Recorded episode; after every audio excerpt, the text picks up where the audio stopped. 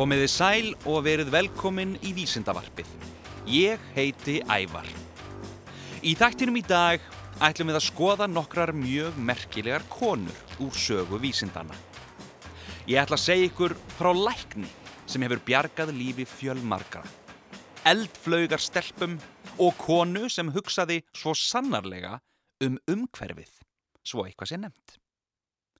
En við byrjum á Helen B. Tausig.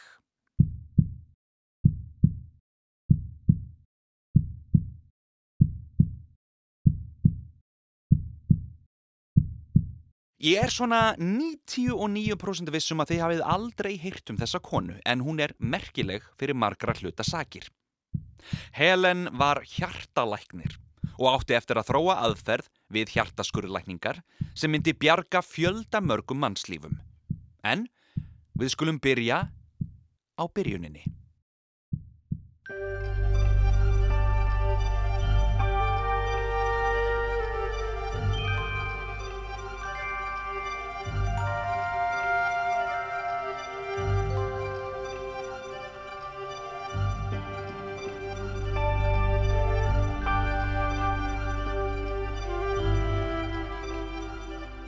Helen B. Tausig fættist árið 1898 í Cambridge í Massachusetts.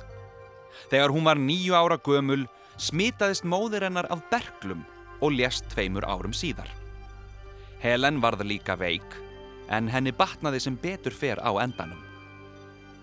Hún var dugleg í skóla, lærði eins og hún mögulega gat og let ekkert stoppa sig. Hún var lesblind og þar sem það voru auðvitað ekkit sérstaklega mörg ráð til að hjálpa lesblindum krökkum á þessum tíma þá þvældist það fyrir henni en hún gafst ekki upp og hjælt sínu striki. Helen útskrifaðist úr mentaskóla árið 1917, fór beint í háskóla og já, svo vann hún líka verðlun fyrir að vera fáránlega góð í tennis.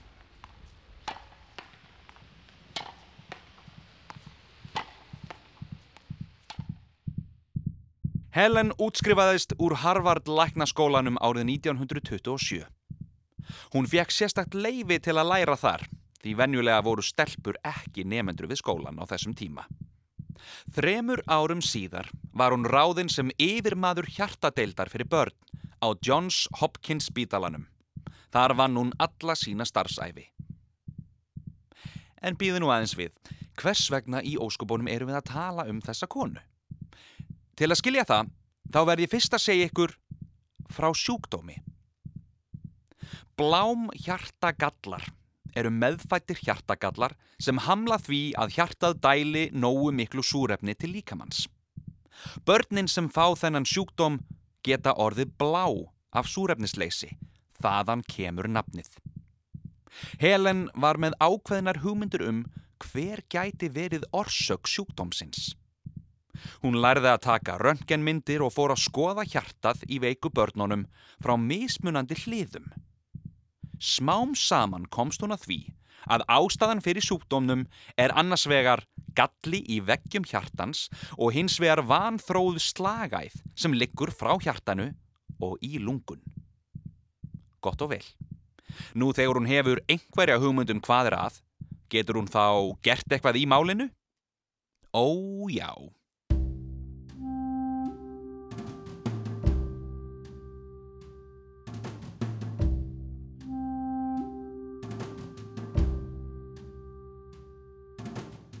Árið 1941 stakk Helen upp á aðgerð sem geti hjálpað börnum með sjúkdóminn.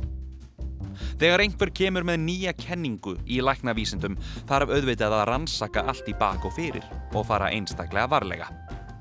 Tásig fekk félaga sinn til liðs við sig læknin Blalock og í þrjú ár undirbygguðu sig. Og loks var komið að því. Fyrsta aðgerð sinnar tegundar í öllum heiminum á barni með blám hjartagallan. Og hvað gerðist? Í stuttumáli, aðgerðin tókst. Og þegar þau gerðan aftur á öðru batni, tókst hún aftur. Og í þriðja skiptið tókst hún enn einu sinni. Aðferðin var kölluð Blalock-Tausig aðferðin og var fljótlega notuð um allan heim. Hún hefur bjargað ótal mörgum mannslífum. Með þessari aðferð er hægt að meðhöndla hjartagalla í fólki mun fyrr en áður og þannig koma í veg fyrir setni tíma kvilla. Smám saman fór Helen að heyra illa og þurfti því að stóla á varalestur og heyrnartæki við vinnu sína. Talið er að sumar af uppvöldunum hennar og sviði hjartasjúkdóma megi reka til þess að hún gatt fundið með snertingu frekar en hlustunapípu munin á reglulegum og óreglulegum hjartslætti. Árið 1954 fekk Helen hinn gríðarlega flottu Laskerverlaun fyrir störf sín við bláma hjartagalla aðferðina. Fimm árum setna var henni bóðin först staða sem prófessor við John Hopkins spítalan en hún var eina fyrstu konum sögunar til að fá þann titil. Hún var kosin fórseti amerísku hjartasamtakana fyrst kvenna og árið 1964 kom þáverandi fórseti bandaríkjana, takk fyrir kjallega, Lyndon B. Johnson og veitt henni frelsis orðuna.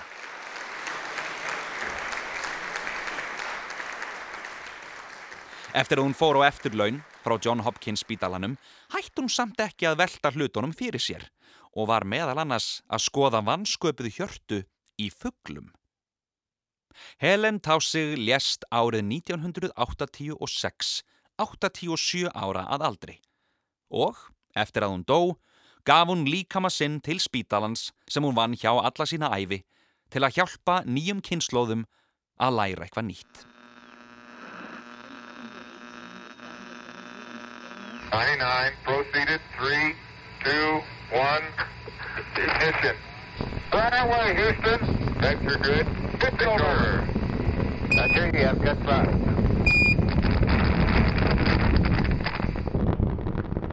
Herrar mínur og frúr, The Rocket Girls eða eldflöga stelpunnar.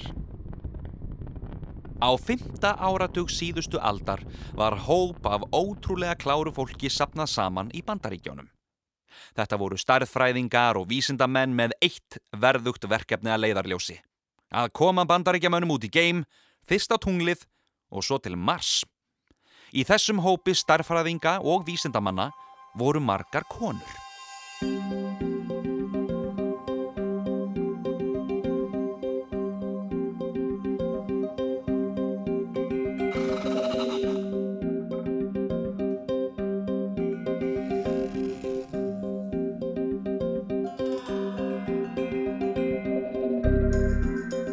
Natalia Holt gaf út á dögunum bók um nokkrar af þessum merkilegu konum. En það var samt hægara sagt en gert að skrifa bókina. Littlar sem engar upplýsingar voru til um þessar kláru konur sem sínir sig kannski best í því að þegar NASA hjælt upp á 50 ára ammali fyrsta bandaríska gerfitunglsins þá glimtist að bjóða konunum sem margar hverjar byggu skamt frá sem voru í herbygginu þegar gerfitunglunu var skotið á loft. Natalia Holt þurft að gramsa og grafa í gömlum gögnum frá NASA og að lokum heimsækja konurnar sem enn voru á lífi til að hafa eitthvað í höndunum sem hún gatt gefið út.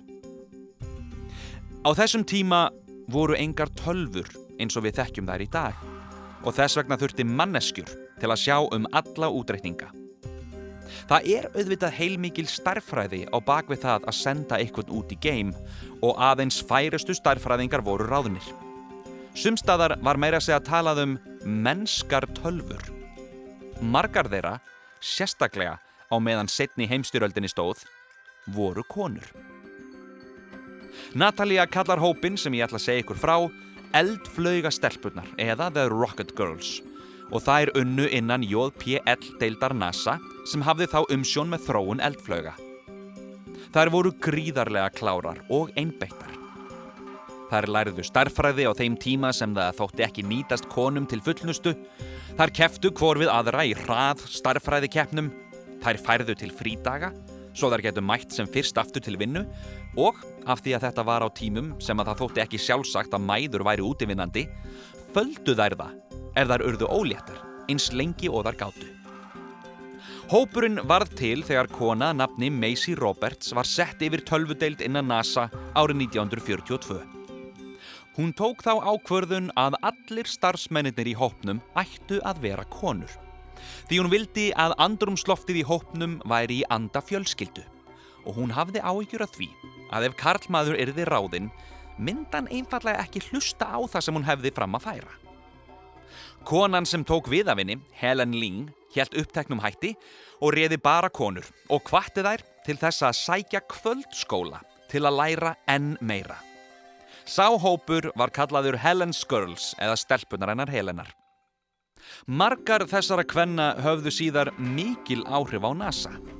Meðal annars Sylvia Miller sem er í dag yfirmaður Mars rannsókna hjá NASA og Sue Finley sem er orðin áttræð og vinnur enn hjá NASA nú við Juno gameskipið sem þessa stundina er á sporbaug um Júpiter. Sue neytar að fara á eftirlaun fyrir en leiðangri Juno er lokið. Þessar konur voru algjörar reikni maskínur og reiknuðu meðal annars út nákvæmlega hversu mikið eldsneiti geimflög þyrti og hversu mikið eldsneiti yrði þess valdandi að flögin myndi springa. Þetta eru nokkuð nöðsynlegir útreikningar að mínu mati. Natalie, sem skrifar bókina, segir að það sé varla verkefni innan NASA sem þessar konur hafi ekki haft áhrif á með einum eða öðrum hætti. Fyrir þá sem vilja vita meira um The Rocket Girls, þá mæli ég með bókinni Rise of the Rocket Girls eftir Natalie Holt. We're now 31 minutes and 20 seconds into the space flight of Faith 7 with Gordon Cooper at the controls. He was inserted into orbit at approximately 8.09 a.m. at an altitude of 100 miles. His speed at that time was 17,544 miles per hour.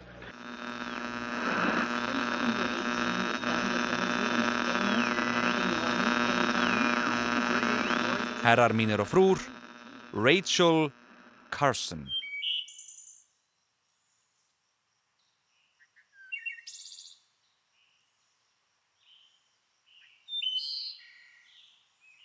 Rachel Carson skrifaði eitt merkasta og umdeildasta rit um umhverfismál síðustu aldar. Hún var umhverfisfræðingur, rithöfundur og vísindamadur. Rachel fættist 27. mæ árið 1907 í Springdale, Pennsylvania og fekk snemma áhuga á náttúrunni og útskrifaðist sem dýrafræðingur. Hún fekk vinnu við að fara yfir hinnar ímsu vísindagreinar sem aðrir skrifuðu á milli þess sem hún samdi bæklinga um náttúruvernd og náttúru öðlindir. Það leið ekki á löngu þar til hún tók allt það sem hún hafði lært og fór að nota það sem grunn í sögur. Hún skrifaði bækur sem vissulega fjölluðu um vísindi en voru um leið með söguþræði. Hún skrifaði þrjár bækur um hafið. Under the Sea Wind, The Sea Around Us og The Edge of the Sea sem urðu gríðarlega vinsælar og komin á kortið sem vísindamanni sem almenningur hafði áhuga á að hlusta á og átti auðvelt með að skrifa. Þessar þrjár bækur, sem allar fjölluðu um hafið á einn eða annan hátt, hafa verið kallaðar Ævisaga hafsins, sem verður að telja svolítið töff. Árið 1952 sagði Rachel upp starfi sínu við yfirlestur og demdi sér á bóla kaf í eigin skrif. Hún skrifaði bækur og greinar sem flestar fjölluðum umhverfið og átt að kenna fólki að sjá fegurðina og hinnar dásamlegu fyrður sem þar mátti finna. Árið 1962 gaf Rachel út bókina Rattir Vorsins þagna eða Silent Spring. Bókin er talinn eitt merkasta og umdeildasta rit um umhverfismál síðustu aldar. Þar vakti Rachel aðtikli á þeim fjölþættu neikvæðu áhrifum sem DDT hefði á vistkerfið. En hvað er DDT? Við skulum fá uh, hættulega og dramatíska tónlist. Takk.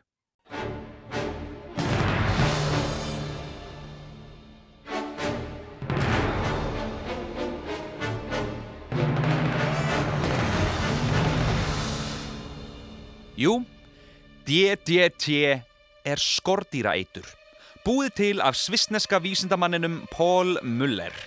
Hann fekk meira segja Nobelsverlunin árið 1948 fyrir að búa til eitrið. Skordýraeitur eru öflug vopn í baráttu við skordýr og lirfur þeirra. Skordýraeitur er notað mest í landbúnaði til að hindra að skordýr skemmi uppskeruna. DTT var tekið sem guðskjöf og notað mikið víða um lönd og nota drjúkt gegn skortýrapláum í landbúnaði og útbreðslu sjúkdóma sem berast með skortýrum eins og til dæmis malaríu. Menn gerðu sér ekki grein fyrir neikvæðum áhrifum DTT fyrir mörgum árum síðar og Rachel var svo sem leti sér heyra. Bókin hennar vakti mikla aðtikli og ekki voru allir ánæðir með það sem hún hafi skrifað. Rachel vildi meina að ekki aðeins moskítoflugur yrðu fyrir barðinu á DTT heldur líka mörg hryggdýr eins og til dæmis fugglar sem drápust umvörpum á svæðum sem voru eitruð með DTT. Bókin er umdeilt fyrir margra hlutasakir og ýmsir menn í yðnaði víða um heim hafa hallmæltinni og sagt bókina fulla af rángfæslum. Rachel hjælt hins vegar sínu striki og neitaði að bakka.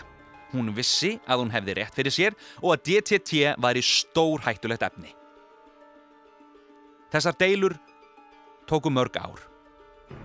Rachel fór meira segja fyrir bandaríkjaþing til að bera vittni um sannleikskildi rannsóknar sinna. Og í raun má segja að deilurnar hafi tekið of langan tíma. Tveimur árum eftir að hún gaf út bókina Rattir Vorsinn þagna lést Rachel Carson úr brjóstakrabbamenni. En baráttan helt samt áfram og smám saman staðfæstur rannsóknir og breytingar sem urðu á vistkerfum, sérstaklega á fugglalífi, hinn neikvæðu áhrif sem Carson helt fram í bókinni. Svo fór að notkun DTT var að lokum bönnuð í bandaríkjónum árið 1972 og fylgdu margar aðrar þjóðir í kjölfarið. Það er erfitt að ímynda sér hver áhrifin hefðu orðið fyrir vistkerfi jarðar ef notkun DTT hefði haldist óheft. DTT skortýra eitrið er nefnilega svokallað þrávirt efni. Þessi þrávirku efni eru fytuleysanleg og geta borist í lífverur með fæðu. Slík uppsöpnun í fæðukeðjunni nefnist líffræðileg mögnun. Með líffræðilegri mögnun í vistkerfinu er átt við að magnefna eikst eftir því sem ofar dregur í fæðukeðjunni. Til dæmis er tiltölulega lítið magn þeirra í sviflægum krabbaflóm í hafinu en í næsta fæðuþrepi fyrir ofan er magnið meira þar sem afræningin getur margar sviflægar krabbaflær og efnin sapnast fyrir í fytuöf hans. Þannig berast efnin hægt og rólega upp fæðukeðjuna og sapnast að lokum fyrir í langlífum rándýrum, efst í keðjunni. Og uh, hverjir eru efstir? Bingo, það eru við. Við mannfólkið. Í dag er talið að tilvist þrávirkra lífrætna efna í vistkerfi jarðar eins og DTT sé einn alvarlegasti umhverfisvandi heimsins. Þannig að það er eins gott að Rachel var til staðar. Bókin, Rattir Vorsinn Þagna, hefur verið talin kveikjan að náttúruvenda hreymingu okkar daga og rannsóknir og bóðskapur Rachel heldur áfram að veita komandi kynnslóðum innblástur. Fyrir þá sem vilja veita meira um Rachel mæli ég bæði með vísendavef Háskóla Íslands og vefsíðu sem er haldið út í hennar nafni rachelcarson.com.